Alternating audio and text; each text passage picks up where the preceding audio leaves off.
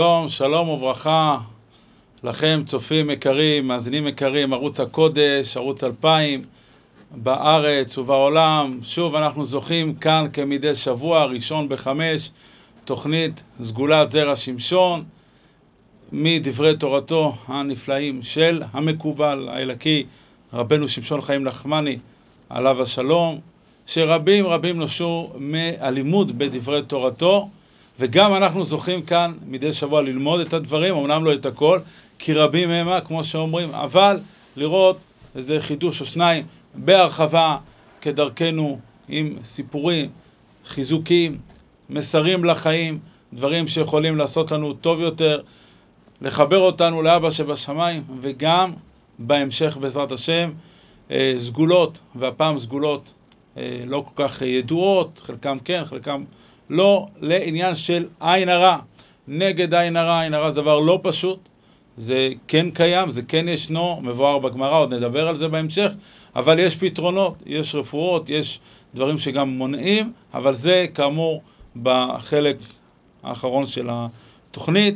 עכשיו נתחיל בעזרת השם בהתחלה בדברי הזרע שמשון על פרשת השבוע, והפרשה שלנו אנחנו נמצאים ביום ראשון, הפרשה שנקרא בעזרת השם בשבת הקרובה, שבת פרשת לך לך. פרשת לך לך, הפרשה השלישית בתורה, שבה אנחנו קוראים על אברהם אבינו, ניסיונותיו, המסעות השונים שהוא עובר, הקשיים שלו, שהם מסמלים את הקשיים שלנו, את ההתמודדויות שאנחנו עוברים, כל אחד בחיים שלו. ידוע שכל אחד מהניסיונות, עשרה ניסיונות, נתנסה אברהם אבינו, כל אחד מהניסיונות, כל יהודי עובר לפחות אחד מהם במשך ימי אה, חייו, בחלקם או בכולם, אבל את הכוח לעמוד בהם קיבלנו מאבינו אברהם, הוא הראשון, ואנחנו בניו אחריו ממשיכים בדרכו. אומר הזרע שמשון, רבנו שמשון חיים נחמני פותח בדברי המדרש. הפסוק שחותם את הפרשה שלפני פרשת לך לך, שהיא פרשת נוח, שקראנו בשבת האחרונה, שם התורה מספרת על מיתתו של תרח. תרח, זאת אנחנו יודעים, הוא אביו של אברהם אבינו. אז פרשת נוח מסתיימת במיתתו של תרח, פרשת לך לך מתחילה בציווי לאברהם אבינו. הקדוש ברוך הוא מצווה אותו, לך לך, לך. לך לך מארצך וממולדתך ומבית אביך אל הארץ אשר אראך. ועל כך אומר הזרע שמשון, אה, מביא את דברי חז"ל. חז"ל אה, דורשים, למה נסמכה העניין, ש... למה נסמכה פרשת לך לך על העניין הזה של מיתתו של תרח, היות ואברהם אבינו חשש. הוא אמר, זה אבא שלי, הוא כעת זקן, הוא מבוגר, הוא סיעודי, איך שאנחנו קוראים לזה, הוא זקוק לי, הוא צריך אותי. נכון, ריבונו של עולם מצווה אותי ללכת ארצה כנען, אבל מה יהיה על אבא? מי יעזור לו? מי ידאג לו? איפה כיבוד הורים? אברהם אבינו קיים את כל התורה כולה, משנה במסרת קידושין, דף פ"ב עמוד א', מצוות כיבוד אב ואם, מצווה יסודית כל כך, שכלית כל כך, חשובה כל כך, הכרת הטוב, א' ב' של היהדות. אברהם אבינו אומר, איך אני עוזב את אבא? כך אומר המדרש. הקדוש ברוך הוא שידע את ההתמודדות, את השאלה הזו הכל כך אה, כואבת של אברהם אבינו, ענה לו גם על זה ואמר לו, אותך אני פוטר. כלומר, אותך אני פוטר בעניין הזה מכיבוד אב ואם. אבל אחר, אין אני פוטר. אחר שיהיה במצב הזה, שהוא יישאל, יסתפק בשאלה שלך, אותו אני לא אפתור מכיבוד אב ואם גם במצב הזה.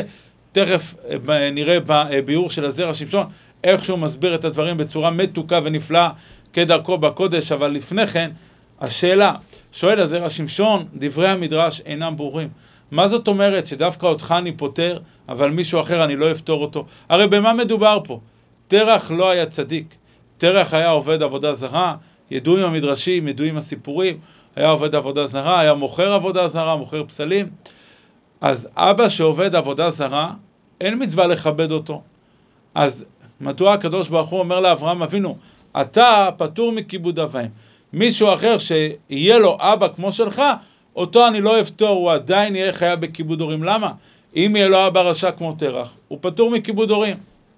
כך שואל הזרע שמשון, והוא מסביר את זה באופן כזה, באופן נפלא, הוא אומר, ומדייק את זה, מביא הוכחות, שתרח נכון, שנים רבות וארוכות, הוא היה אמנם אה, עובד עבודה זרה, ומשתחווה לפסלים ולאלילים, אבל עקב הבן הגדול שהוא זכה, הנשמה הגדולה שהוא זכה להוריד לעולם, אברהם אבינו, זה השפיע עליו. אברהם אבינו הרי השפיע על כל העולם, ודאי וודאי שהשפיע גם על אבא שלו. ואומנם, זה לא קרה ביום אחד, תרח לא חזר בתשובה ביום אחד, אבל הוא התחיל איזשהו תהליך איטי ועקבי של חזרה בתשובה. ולכן אה, אברהם אבינו חשש. זאת אומרת, החשש של אברהם אבינו לא היה רק מעצם העניין של כיבוד הורים, שגם הוא לכשעצמו כבד משקל. החשש היה איך אני עוזב את אבא כשהוא עכשיו, אה, נקרא לזה טרי מאוד בעניין הזה של התשובה. עדיין בהתחלה, צעדים ראשונים, הוא בקושי עומד בפני עצמו מבחינה רוחנית, איך אני עוזב אותו? אני אלך אה, לאן שהקדוש ברוך הוא יאמר לי ללכת, בלי אבא, אבא נשאר כאן, לא יהיה לו את החיזוקים הרוחניים, לא יהיה לו את התמיכה העקבית שלי, ואז אולי חס ושלום הוא יחזור אחורה, ושוב יחזור לגילולים ולפסלים, וזה דבר שאני לא רוצה שיקרה. על כך אומר לו הקדוש ברוך הוא, אתה צודק, אבל במקרה שלך זה לא נכון. למה? כי אני מבטיח לך, ואתה תבוא אל אבותיך בשלום. אנחנו רואים בהמשך, בהמשך הפרשיות, שהקדוש ברוך הוא מבטיח לו, ואומר לו, ואתה תבוא אל אבותיך בשלום. אומרים חז"ל, מביא שם רש"י, כאן הבטיחו שתרח אביו יעשה תשובה, ולא תשובה חלקית, תשובה מלאה. אומר לו הקדוש ברוך הוא, מה החשש שלך? שמא אביך יחזור לסורו? אל תדאג. אני מבטיח לך, אני דואג לזה שבעזרת השם ימשיכו לנבוע בליבו הרהורי תשובה ורשפי אש קודש לעבודת השם, והוא בעזרת השם ימשיך ויחזור בתשובה שלמה ומלאה. כך יהיה, אל תדאג.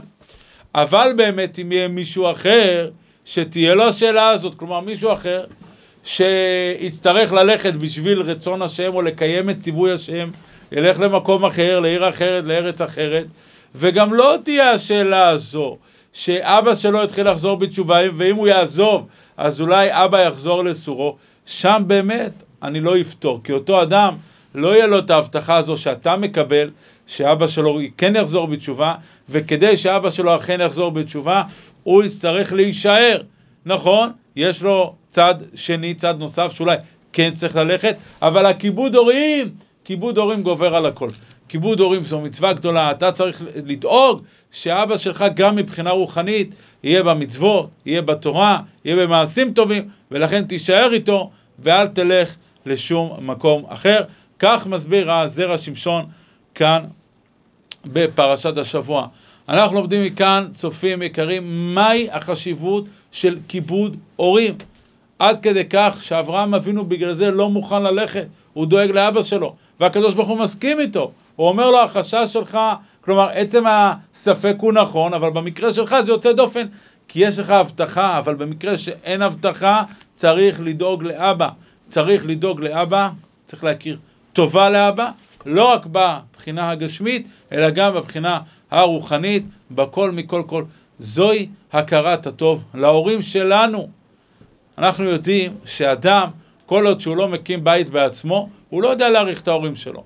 גם אם הוא מכבד אותם, הוא לא יודע באמת כמה ההורים השקיעו, כמה עמלו, כמה טרחו ימים ולילות, רק תחשבו על זה.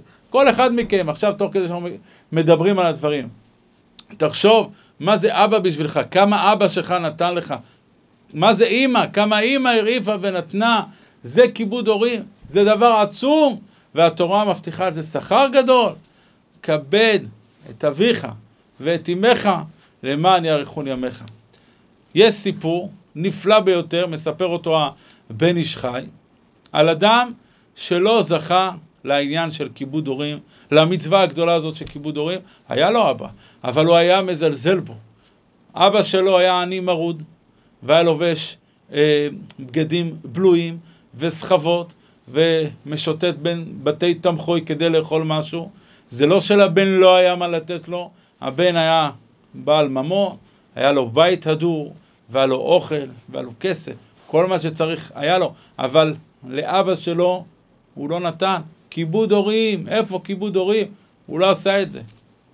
יום אחד זה היה חורף קר וגשום, והנכד, בנו של הבן, הלך ברחוב, הסבא הבחין בו, קרא לנכד, אומר לו, נכדי היקר, תלך לאבא שלך ותבקש ממנו, אני מתחנן, אני בוכה אליך, תראה, אין לי אפילו מעיל, אין לי אפילו צעיף, איזה ספדר, משהו להתחמם בו, איך אני יכול לשרוד את הקור הזה? שידאג לי, שישלח לי איזה מעיל. הנכד, נחמרו רחמיו, הוא הולך מיד לבית, אומר לו, אבא, סבא בוכה, סבא קר לו, סבא לא שורד את החורף הקר הזה. אבא, איזה מעיל, משהו לסבא לפחות. אמר לו, בסדר, לך למחסן, שם יש איזה מעיל שלפני שנים הייתי משתמש בו, תיקח את המעיל הזה, תביא לסבא. בסדר. הבן הלך למחסן, מחפש את המעיל, איזה מעיל אבא התכוון? מה, לזה הוא התכוון? הוא ראה שם איזה מעיל? מרופט ובלוי, לא ראוי בכלל לקרוא לו מעיל. מה הוא יחמם? את מי הוא יכסה? הוא ממש הזדעזע. האבא ראה שהבן מתמהמה ולא חוזר. כמה זמן לוקח לחפש את המעיל? אז הוא ניגש למחסן ורואה שהבן חתך את המעיל לשניים. אמר לו, למה עשית את זה? סבא לא יוכל ללבוש את זה עכשיו.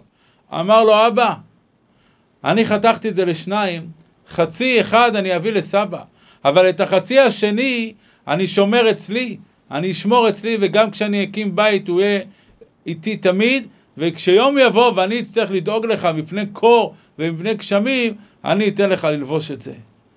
האבא הבין את הדברים, הדברים חריפים, דברים לא, לא קלים, אבל הוא קיבל את האמת מהילד שלו. הוא הבין, איך אני עושה דבר כזה לאבא? עד איפה אפשר להיות אכזרי? עד איפה אפשר להיות אטום? ואמת, הכניס את אביו הביתה, דאג לו, האכיל אותו, השקע אותו, דאג לו עד יומו האחרון לכל צרכיו. זה כיבוד הורים, רבותיי, אדם, זה אומנם דוגמה קיצונית, אבל כמה אדם צריך לראות, להשתדל בעניין הזה של כיבוד הורים בדיבור, במחשבה, במעשה, מצווה גדולה מאוד. האמת היא שיש לשאול, וכבר שואלים את זה הראשונים, למה התורה צריכה להבטיח שכר כזה גדול? כבד את אביך ואת אמך למען יאריכון ימיך. היכן צריך לשכנע אדם בהבטחות גדולות, בפרס גדול, בשכר רב, כשהמצווה היא לא ברורה, מצווה שאדם לא מבין אותה בשכל. כיבוד הורים יש מישהו שלא מבין? יש מישהו שלא מבין כמה חשוב וכמה גדול הוא החיוב לכבד הורים? למה התורה צריכה להבטיח? למען יאריכון ימיך, מה ההבנה בזה? הרבה מהראשונים שואלים את זה. התשובה שחלק גדול מהם נותן על העניין הזה היא תשובה מאוד מעניינת, אבל גם מאוד מחייבת.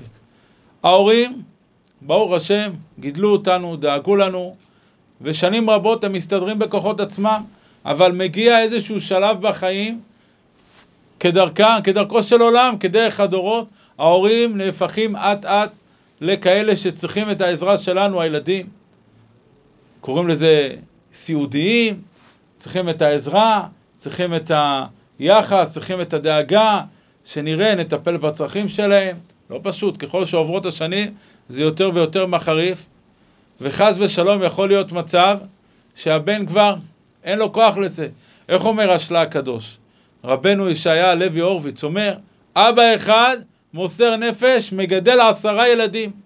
אבל העשרה ילדים אין להם כוח לפרנס אבא אחד. איך זה יכול להיות? כי אבא ליבו על הבנים. אבל הבנים, כל אחד כבר מרוכז בבית שלו, במשפחה שלו. איפה הדאגה לאבא? מה יהיה עם אבא? מה יהיה עם אמא? אומרת התורה הקדושה, תדע לך יהודי יקר, שאם אתה תדאג להורים שלך, ואם אתה תשתדל ותעשה מאמץ שכל יום, עד היום האחרון שלהם, זה יהיה היום הכי שמח שלהם, יום שהם מאושרים, יום שטוב להם, למרות שהם סובלים ויש כאבים ויש חולשות, לא פשוט כשהם מתבגרים. אבל אתה בתור ילד, בתור בן, תעשה הכל הכל כדי שההורים שלך יהיה להם נחת וישמחו בחיים. אז גם אתה בעזרת השם, גם איתך יהיה ככה. שהילדים שלך, שהם רואים אותך, הם רואים איך אתה מכבד הורים, הם רואים איך אתה משקיע, איך אתה משתדל, איך אתה טורח ואיך אתה מתאמץ, גם הם יעשו איתך כדבר הזה. אז למען יאריכון ימיך, כי גם, גם אתה מתישהו תהיה זקן, תהיה מבוגר, גם אתה תצטרך את הילדים שלך, ואז הזיכרונות, התמונות הללו שאיך שאתה היית מטפל בהורים, הם יעמדו לנגד עיניהם, וגם הם יעשו כדבר הזה, ויתנהגו כמו שאתה התנהגת כלפי ההורים שלך. זה המסר העצום שיש בעניין הזה. היה בזמנו הצדיק הרב ניסים יגן, שהוא היה זכה להשיב רבים מעוון, מסר הרבה הרצאות וחיזוקים ודרשות, גם בארץ, גם בעולם. אז הוא סיפר שפעם אחת הגיע אליו, כן, סיפר הרב יגן שפעם אחת הגיע אליו אדם, אמר לו, רבי, אבא שלי חולה והוא לא מרגיש טוב, וכבר תקופה מאוד מאוד ארוכה בבית חולים, רבי, תתפלל על אבא שלי, או שימות או שיחיה, אבל אני לא מסוגל ככה. שימו לב מה הוא אומר לו, הוא אומר או שימות או שיחיה, מה שיהיה, ככה אי אפשר להמשיך. אמר לו, ככה אתה אומר על אבא שלך? תתפלל עליו שיחיה, מה זה או שימות? אבא שלך מסר נפש עליך, איך אתה אומר כדבר הזה? ככה אמר לו. סיפר עוד מעשה הרב יגן, זכר צדיק לברכה, על העניין הזה של כיבוד הורים. הייתה פעם אה, משפחה שהאימא נפטרה, אבא נשאר בגפו. והתעורר הצורך שאחד מהילדים יארח את האבא אצלו בבית. בסדר? הילדים עשו אספה עם האבא, האבא היה באותה אספה. הרב יגן מספר שגם הוא היה שם, והאבא רואה איך שהם כמו כדור מתחילים לזרוק אותו מאחד לשני. הבן הגדול אומר לא, אשתי לא מסכימה. היא לא יכולה, היא אומרת לא, אין מקום לאבא שלך אצלנו בבית. הבאה בתור, בת, אומרת לא, בעלי אומר אין אפשרות, הבית קטן, אי אפשר להכניס את אבא שלך. וכך עוד בן ועוד בת, כל אחד הביא איזה תירוץ אחר, והתחילו להתווכח ביניהם למה אני לא יכול ואתה כן יכול, למה אני פטור ולמה אתה חייב. ואבא, כשהוא ראה ככה, השתיק אותם, אמר להם תעשו לי טובה, תקנו לי קבר, אני רוצה למות. ככה אמר להם, במילים האלה. והוסיף ואמר להם, כל החיים, כל החיים אני עמלתי מבוקר עד ערב כדי להאכיל אתכם, להלביש אתכם, לפרנס אתכם, ועכשיו אתם ככה זורקים אותי כמו כלב, כמו כלב, כך אמר להם. זה היחס, זה מה שמגיע לי, איזה צער שהיה לאותו אבא.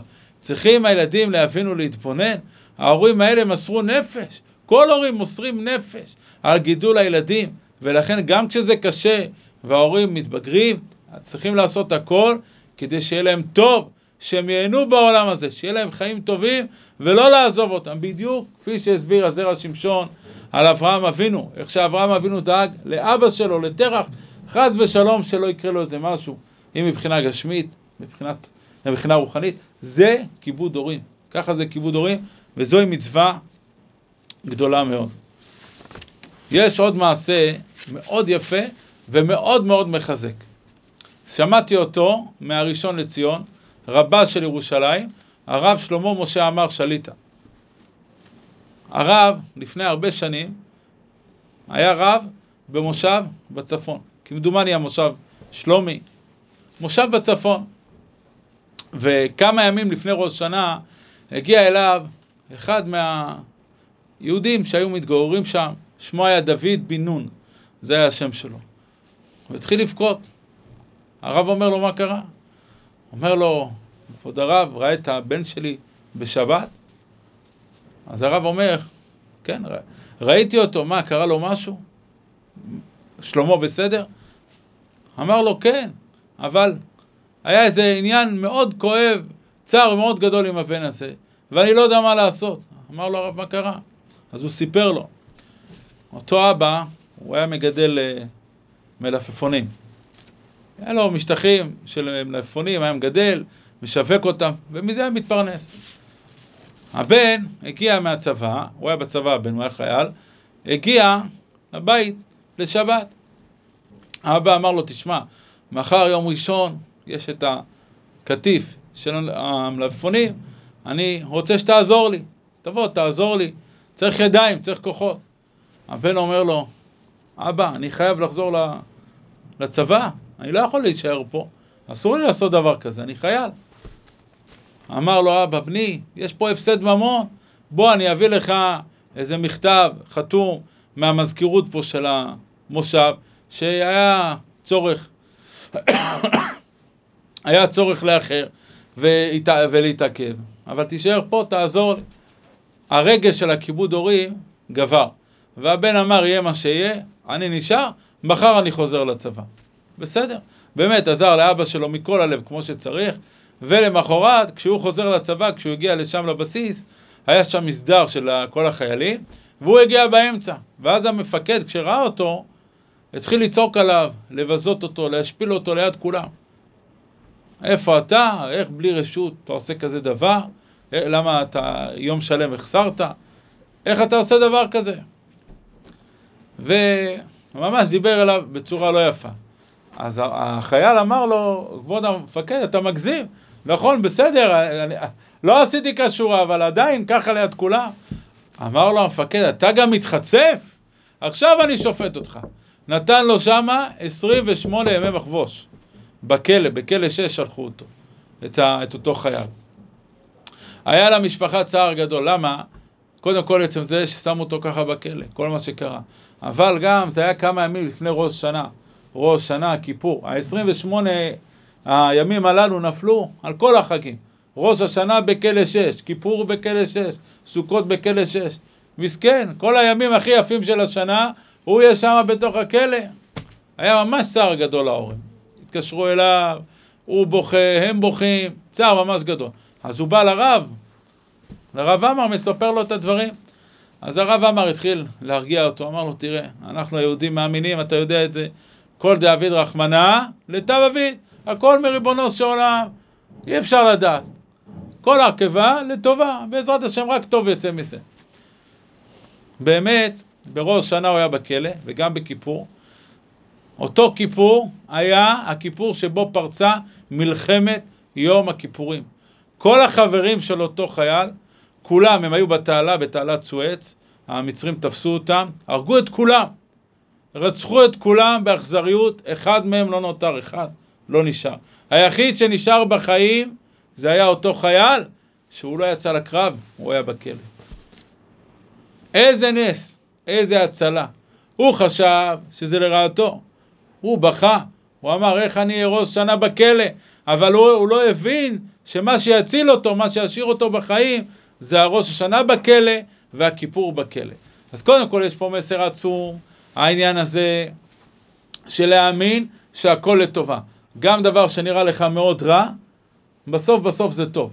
יכול להיות שתבין את זה מיד, אולי מחר, אולי בעוד תקופה ארוכה, אבל בסוף בסוף זה טוב. דבר נוסף שרואים כאן, לא מפסידים מכיבוד הורים. לא מפסידים מכיבוד הורים. הרי מה הוא עשה? הוא נעדר בגלל העניין הזה של לעזור לאבא שלו. אבא שלו התחנן שהוא יישאר כדי לעזור לו בקטיף. היות והוא עשה את המצווה הזאת, ועשה את זה עם כל הלב, למרות שהיה לו איזה חשש, כבד את אביך ואת אמך, למען יאריכון ימיך. בזכות המצווה הזאת של כיבוד הורים, הוא זכה. זכה שהוא נשאר בחיים, הרי במה הוא שונה מהחברים שלו? הוא היה צריך להיות איתם, הוא היה צריך, השם ישמור, כבר להיות בישיבה של מעלה. הקדוש ברוך הוא השאיר אותו בחיים בזכות מצוות כיבוד הורים. כבד את אביך ואת אמך, למען יאריכון ימיך. חיים ושלום וברכה והצלה, זה גודל העניין של כיבוד הורים. אם כן, כמה חשובה המצווה הזו של כיבוד הורים להצלה ולכל הישורות ולכל הדברים הטובים שאנחנו רק רוצים ומבקשים מהבורא יתברך בעזרת השם. אז זהו אם כן העניין, הפירוש של הזרע שמשון בתחילת הפרשה בחלק הזה של אה, כיבוד הורים בהקשר של אברהם אבינו ושל תרח. נמשיך הלאה לחידוש נוסף של רבנו הזרע שמשון. בהמשך הפרשה, כשמוש... אה, כשאברהם אבינו יורד למצרים, אז שם התעורר חשש, הננה ידעתי כי אישה יפת מראה את, ויראו אותך המצרים, אותי יהרגו, אותך ייקחו. לכן אני מבקש ממך, כך אומר לשרה אשתו, אז היא נקראה שרה, היא אומר לה, אמרי נא אחותי את. אני לא בעלך, את לא אשתי, בואי נאמר, ככה את תאמרי, שאני אח שלך. והוא ממשיך, הוא לא מסיים בזה, אמרינה אחותי את, למען ייטב לי בעבורך, כלומר, שלא יהרגו אותי ואני אשאר בחיים, אבל גם דבר נוסף, וחייתה נפשי בגללך. מה זה וחייתה נפשי בגללך? הכוונה, אומר רש"י בשם חז"ל, ייתנו לי מתנות, ייתנו לי מתנות בעבורך, כפי שבאמת היה בסוף. אברהם אבינו היה עני כשהוא ירד למצרים, כשהוא חזר משם בחזרה, הוא כבר היה עשיר גדול. אז הזרע שמשון שואל שאלה מאוד מעניינת, הוא אומר, זה מה שעניין עכשיו את אברהם אבינו? המתנות? הרי הוא רוצה שלא יהרגו אותו, היה חשש מאוד גדול שיהרגו אותו, רק כן יראת אלוהים במקום הזה והרגוני. אז תאמר לה, בבקשה ממך, תגידי, שאני אח שלך כדי שלא יהרגו אותי. מה עכשיו העניין להוסיף? גם יהיה לי עוד דבר, עוד תועלת, שייתנו לי מתנות. אתה מפחד על החיים שלך, אתה מבקש עכשיו מתנות, מה העניין בזה? מבאר הזרע שמשון שהוא לא התכוון למתנה לשם מתנה, אלא הוא בא במשפט הזה, בתוספת הזו, לבטא את הנאמנות של אה, שרה אימנו כלפיו. איך? היות, הוא אמר לה, תראי, יכול להיות, באמת בעזרת השם, את תגידי שאני אח שלך, ולא יהרגו אותי, אבל אולי את תלכי ותחטאי, תעשי איזה דבר לא טוב, תהיי איתם, תתחתני איתם. ולכן אני מבקש ממך ואומר לך, שאת תגידי שאת אחותי וגם תהיי נאמנה אליי. ומה יהיה בזכות הנאמנות? וחייתה נפשי בגללך, שייתנו לי מתנות. מה הכוונה? אומרים רבותינו בגמרא, מסכת באה מציאה, דף נ"ט עמוד א', שהברכה, אין הברכה שרויה בביתו של אדם, אלא בזכות אשתו. כלומר, כשאדם מכבד את אשתו, הגמרא שם מספרת על אחד מגדולי האמוראים, שמו רבה. רבה, הוא היה רב בעיר שנקראת מחוזה. בש"ס, בתלמוד הבבלי, ידועה העיר מחוזה כעיר של עשירים. כולם היו עשירים. מה הסוד? הגמרא מגלה לנו מה הסוד. הרב שלהם היה מלמד אותם, נתן להם סגולה. מה הסגולה? תכבדו את הנשים שלכם. הוקירו לנשייכו, כי איכי דתי תעתרו. תכבדו את הנשים שלכם כדי שתתעשרו. אז זאת אומרת, שאדם מכבד את אשתו, שאדם לא מזלזל בה ולא גורם לה להיות בצער ולהיות עצובה וחס ושלום, לא גורם לה לבכות, על ידי זה זוכה לאושר גדול. אז הזרע שמשון מבאר יותר עומק בעניין הזה ואומר שבזכות הנאמנות של האישה, שהאישה נאמנת לבעלה, יש ברכה. כי חז"ל אומרים במקום אחר, שאדם שהוא נאמן, הקדוש ברוך הוא שולח ברכה על ידו, ולכן ברגע שהאישה נאמנת לבעלה, הקדוש ברוך הוא שולח לבעל ברכה עצומה בזכות האישה. על כן אומר אברהם אבינו לשרה, תראי, את נאמנת לי, את צדיקה, בזכות זה שאת נאמנת לי, לא רק שלא יהרגו אותי, גם ייתנו לי מתנות, גם יהיה לי שכר, יהיה לי ממון, בזכותך, בזכות הנאמנות שלך. זה העניין של נאמנות האישה לבעלה. צריך לדעת, זה גם הדדי. יש פסוק בשיר השירים, כתוב עינייך יונים. מה זה עינייך יונים? עינייך זה העיניים, יונים, יונים, אבל מה הקשר בין עיניים ליונים? אומרים חז"ל, היונים שומרים נאמנות אחד לשנייה, אחד לשני, הזכר לנקבה. כלומר, הזכר לא הולך ומזדווג עם יונה אחרת. שומרים על הנאמנות. לא הולכים עם מישהו אחר. אז גם, אומר שלמה המלך, גם אתה יהודי, גם אתה בעל יקר, עינייך יונים. למה? יכול להיות שבעל, ברוך השם, כמובן, עושים כדת וכדין, ברוך השם, שומרים טהרה, שומרים קדושה, יש לאדם את אשתו, והוא נשוי באושר והכל בסדר. אבל לפעמים בעיניים, האדם מרשה לעצמו להסתכל במקומות שהוא לא אמור להסתכל, ובהם הוא לא נאמן לאשתו. כלומר, בגדול הוא כן נאמן לה, אבל בעיניים הוא לא נאמן לה.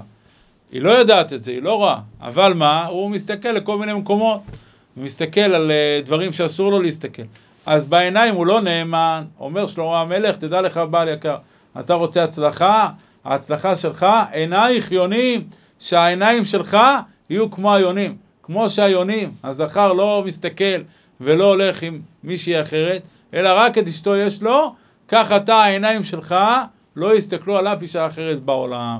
אז יש פה הדדיות. הברכה באה בזכות הנאמנות של האישה לבעל, כפי שאומר הזרע שמשון, אבל יש לנו גם את הנאמנות של הבעל לאישה, עד כדי כך גם בעיניים, ובזכות השמירה הזו הוא זוכה לפרנסה והוא זוכה לברכה אה, והצלחה. יש גמרא, הגמרא אומרת, זה גמרא בגיטין, בדף צ"ג עמוד ב', הגמרא אומרת שמה, שמי שמגרש את אשתו, לא סתם אשתו, כתוב אשת נעוריו, מה זה אשת נעוריו? אשת נעוריו זה האישה הראשונה, האישה שאיתה הוא לבנה והתבגר והביא ילדים לעולם והקים משפחה. מי שמגרש אשת נעוריו, אפילו שנגיד אחרי זה הוא מתחתן עם עוד אישה או מצא מישהי אחרת, אין כמו אשת נעורים. אשת נעורים זה הדבר הכי טוב.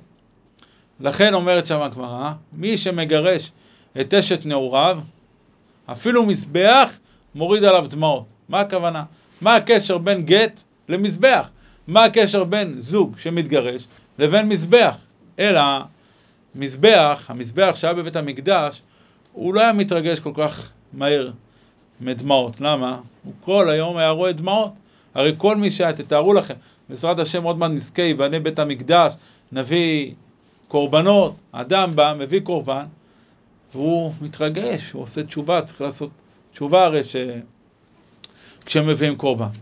אז כתוב בספרים שאם למשל האדם היה קצת קר כזה, והוא לא היה מתעורר, הכהן רואה עליו, הוא היה מסמן ללוויים, תתחילו לנגן. ואז הם מנגנים כל מיני מנגינות ושירים כאלה שמושכים את הלב וגורמים התרגשות, ואדם היה ממש בוכה, היה דומע, מוריד דמעות.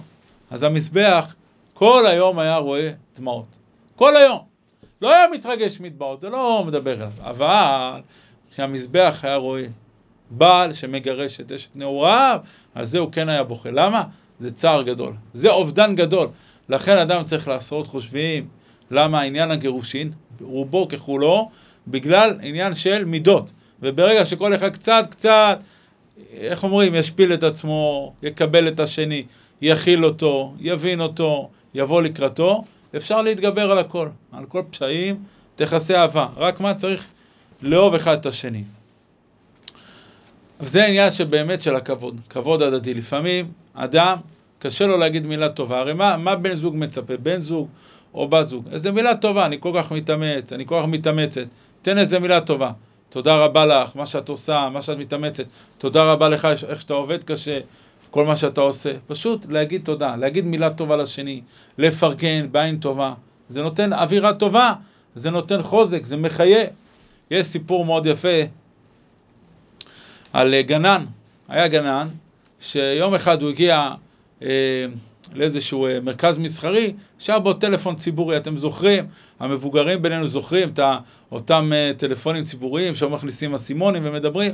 בקיצור, הוא הגיע לשם עם כמות של אסימונים והתחיל להרים טלפונים. הבעל מכולת, שהטלפון הציבורי היה בסמיכות למכולת שלו, בעל כורחו שמע את השיחות, הוא דיבר שם בקול והוא שמע אותו.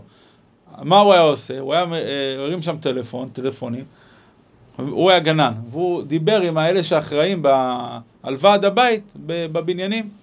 מתקשר, אומר, אה, אני גנן, אם אתם רוצים, אני מוכן לבוא, לעבוד אצלכם, אני, יש לי ניסיון, אני עובד טוב ונאמן.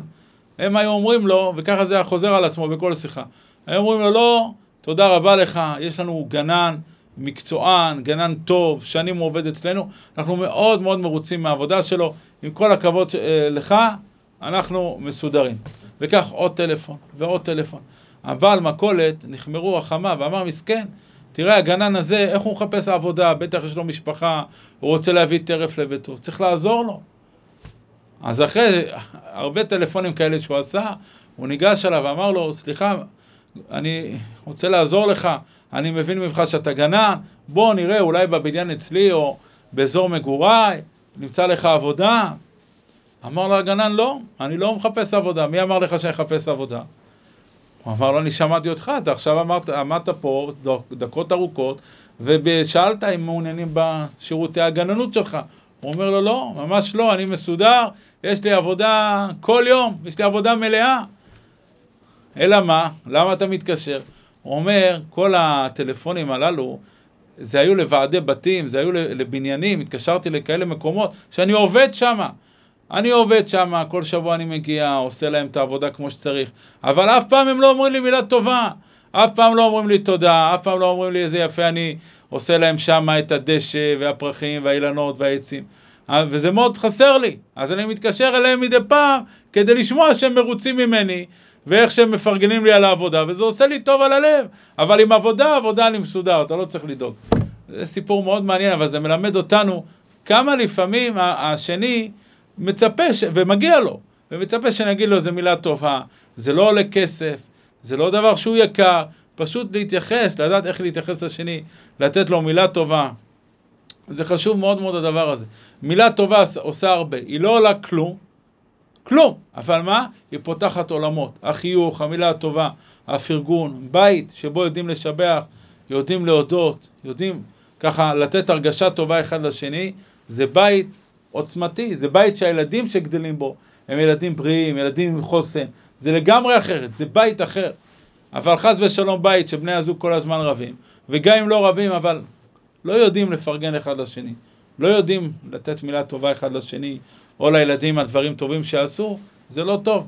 זה, למה? כי הילד, אם הוא לא מקבל חום, הוא לא מקבל פרגון בבית שלו, הוא יצטרך לקבל את זה מאיפשהו. הוא לא יקבל את זה פה, הוא ילך לחפש את זה במקום, במקום אחר, וזה לא טוב. אנחנו צריכים לתת לילד את כל החום, הפרגון, מה שהוא צריך לקבל, מה שהוא רוצה לקבל, מה שהוא צמא לקבל, זה כל כך חשוב, הרי זה מה שהקדוש ברוך הוא נותן לנו. הקדוש ברוך הוא, עם כל החסרונות שלנו, ויש לנו חסרונות לכל אחד, אוהב אותנו, וימשיך להחיות אותנו, ולזון אותנו, ולדאוג לנו, ולחבק אותנו, ומה לא, מה לא, מה שעושה לנו אבא שבשמיים. אנחנו צריכים ללמוד ממנו. זה הקדוש ברוך הוא, הכל באהבה. איך אנחנו אומרים בתפילה? הבוחר בעמו ישראל באהבה. לא כתוב רק הבוחר בעמו ישראל, לא. באהבה. אתה עושה כבר משהו? תעשה אותו באהבה. תעשה אותו בחום, תעשה אותו בחמימות, תעשה אותו עם חיוך, עם כיף, שיהיה אווירה טובה. זה כל כך חשוב, האווירה הטובה, האווירה החיובית הזאת אה, בבית. כמו שסיפר בזמנו, סיפרו, היה הרי גאון גדול, הרב שלמה זלמן אוירבך, זכר צדיק לברכה. הוא זכה שכל ילדיו תלמידי רחמים גדולים. אז הילדים סיפרו בשבעה על האבא, אמרו, אבא אף פעם לא אמר לנו, תהיו גדולי הדור, או תהיו תלמידי רחמים, לא.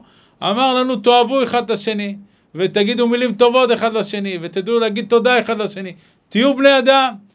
וכשאתה מחנך ילדים בצורה כזאת בריאה וחיובית, רק דברים טובים יוצאים מזה, וזה דבר מאוד מאוד גדול. ככלל, למה אנשים רבים? למה אנשים, אה, יש להם חילוקי דעות, אם זה בני זוג, או אדם וחברו, שכנים, מכרים, ידידים? אם היינו זוכרים, אם היינו מפנימים ולא שוכחים את זה שאנחנו נמצאים פה בעולם חולף, עולם שהוא לא קבוע, עולם רגעי, כל ימינו כצל עובר, אדם היה מסתכל על הדברים בצורה אחרת לגמרי. היה בזמנו, ככה מספרים, אה, יש עיירה בארצות הברית, עיר בארצות הברית, ששם זורם נהר במרכז העיר. בימות החורף הנהר הזה כופה, כל מימיו קופאים. אפשר ללכת שם על, על הקרח. שנה אחת הגיע איזה בן אדם לראש העיר, אמר לו, תראה, אני רוצה לעשות לך עסק. אני רוצה שתיתן לי את הזכות לבנות שמה בנהר. כשהוא קופא, כשהמים קופאים בחורף. אני רוצה לבנות שם, אני אבנה שם אה, בניינים, ואני אעשה שם משרדים ושטחי מסחר ולמעלה דירות. אתה מסכים? ראש העיר הסתכל עליו, מה זה העוף המוזר שהגיע לפה, אבל אמר, בסדר, הוא מוכן לשלם כסף, מה אכפת לי? נתן לו את הזכות. באמת, ההוא הביא לשם פועלים, והחלו לבנות, הביא חומרי בנייה, משאיות, כל מה שצריך, התחילו לבנות. באמת בנו בניינים. בנו בניינים, זה היה בתקופת החורף, כשהנהר כולו קפוא, אבל כשהגיע האביב, ואחרי זה הקיץ, השמש התחילה להעיר ולחמם, כל מימי הנהר, כל מימי הנהר, הם חזרו לעצמם, הפשירו, הפשיר הקרח, והנהר התחיל ככה ללכת בקצב ולזרום, וכל הבניינים קרסו אל תוך הנהר. אנחנו כשאומרים סיפור כזה, אנחנו צוחקים על הבן אדם הזה. מה אתה השקעת כל כך הרבה כסף ובנית בניינים, בשביל בניינים שהם אה, יחזיקו מעמד כמה זמן, כמה חודשים ותו לא. אבל, צופים יקרים, האם אנחנו לא ככה? גם אנחנו כך. אנחנו בונים בניינים, ויש לנו מחלוקות, ויש לנו עניינים שאנחנו עושים, ובטוחים שאנחנו נהיה פה לנצח. אנחנו לא, אנחנו כמו הנהר הזה. עכשיו הכל קפוא, מתישהו זה יבשיר. אנחנו, כל אחד ואחד, בעזרת השם עד 120, בבריאות ובחוזק, אבל לא נמצאים פה לנצח, ולכן אדם צריך לזכור את זה. אין על מה לריב, אין על מה להתווכח. אתה צריך להבין שאתה זמני, הכל ארעי, תהנה ממה שיש, תמשיך הלאה, אפשר להחליק, צריך לזרום, צריך לקבל הכל באהבה, אם יש טעויות, מבקשים סליחה, מתנצלים, אבל ממשיכים הלאה, וזה מה שחשוב. עכשיו בעזרת השם נדבר על הסגולות, אמרנו שנדבר על סגולות נגד עין הרע, אז קודם כל חשוב להקדים. עין הרע ישנו, כן או לא? התשובה היא כן. מבואר בגמרא, בכמה מקומות, יש, יש מושג של עין הרע. הגמרא אומרת, מסכת בבא מציע, אלף אנשים מתים, 999 מתו מעין הרע, אחד מת לא מעין הרע. איך זה יכול להיות? הרי הם מתו בגלל כל מיני סיבות וחולאים. כן, זה הסיבה שאתה רואה, אבל באמת באמת אם תבדוק, מתו בגלל עין הרע, ולכן צריך להיזהר. רק אומרת הגמרא, לא צריך לחשוש לזה יותר מדי, אבל צריך לחוש. אז היות והגמרא אומרת שכן צריך לחוש, אז נדבר בקצרה כמה וכמה סגולות שהן נגד העניין הזה של עין הרע. דבר ראשון, סגולה בדוקה ומנוסה כנגד עין הרע, לשים בכיס שן של שום. למה? שום זה בגימטריה המילה נוצר. נוצר, תעשו חשבון, בגימטריה זה שום 346, נוצר זה מעניין של שמירה, נצירה. כלומר, הסגוליות הזאת של השום, כדי שמשמיים ישמרו אותך כנגד כל עין הרע, כל אדם שמקנא בך או מטיל בך איזה אה, עין לא טובה, זה מגן מפני הדבר הזה. סגולה נוספת, לקחת עפר מבית הגברות, בית החיים, לקחת משם עפר, להשרות את העפר הזה בתוך מים, ולאחר מכן לפזר את זה בארבע פינות הבית. בארבע פינות הבית, לפזר את העפר הזה שהוא בתוך המים, גם זה סגולה נגד עין הרע. סגולה נוספת נגד עין הרע, לוקחים חתיכה של כסף או חתיכה של זהב בצורה של ראש של דג. ראש של דג עם העין ותולים את זה בבית באיזשהו מקום, גם זה סגולה נגד עין הרע. למה? דגים הם מכוסים בים, לא רואים אותם, אין עין שולטת בהם. אז גם בנו, כמו הדג, לא תשלוט עין הרע. כמו כן יש כאלה שנוהגים בגלל העניין הזה, וזה גם סגולה שמובאת, לגדל דגים באקווריום בבית, לא סתם לתחביב, זה באמת מועיל נגד עין הרע. רק צריך לזכור, ברגע שמגדלים דגים צריך לדאוג להם לאוכל ולכל מה שהם צריכים כדי להימנע מצער בעלי חיים, אבל בגדול זו גם סגולה נגד עין הרע.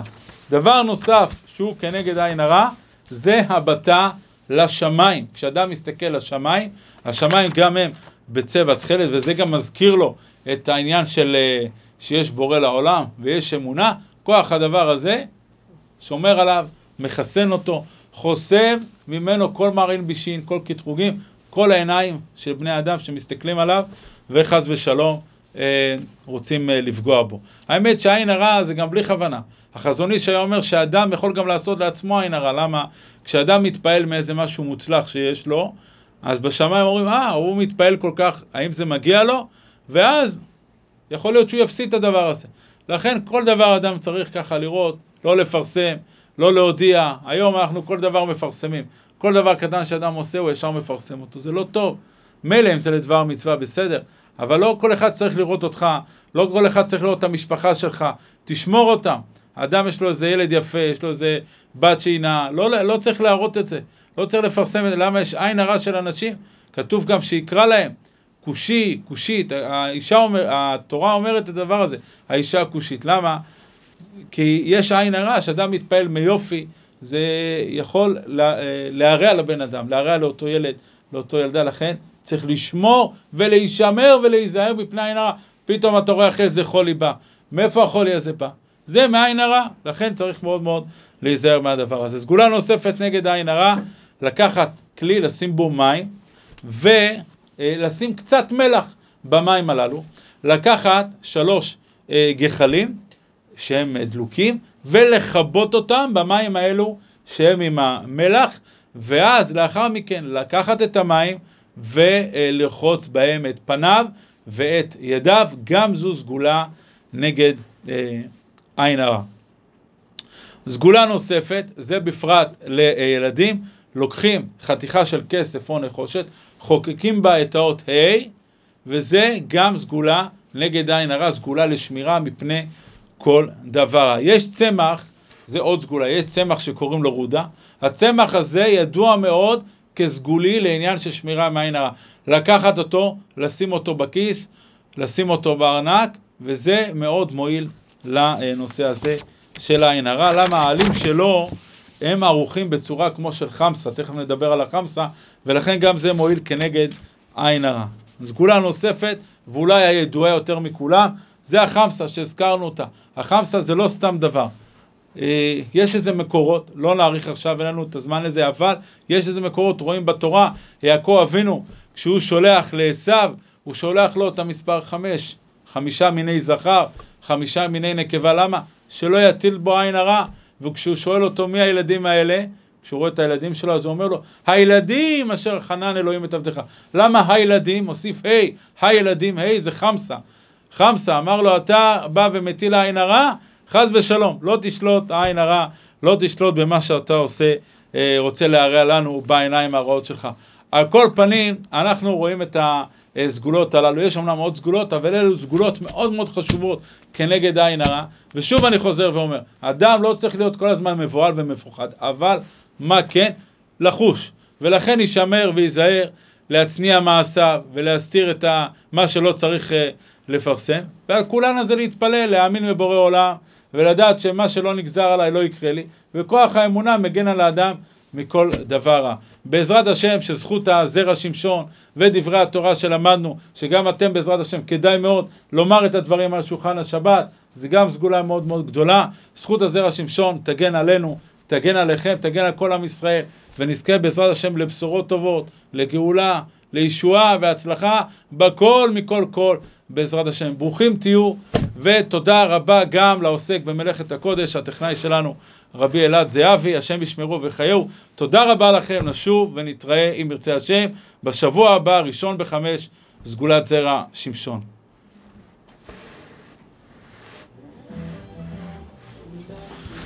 חזק וברוך, יישר כוח. אמן, תודה לך. הרב, שאלה.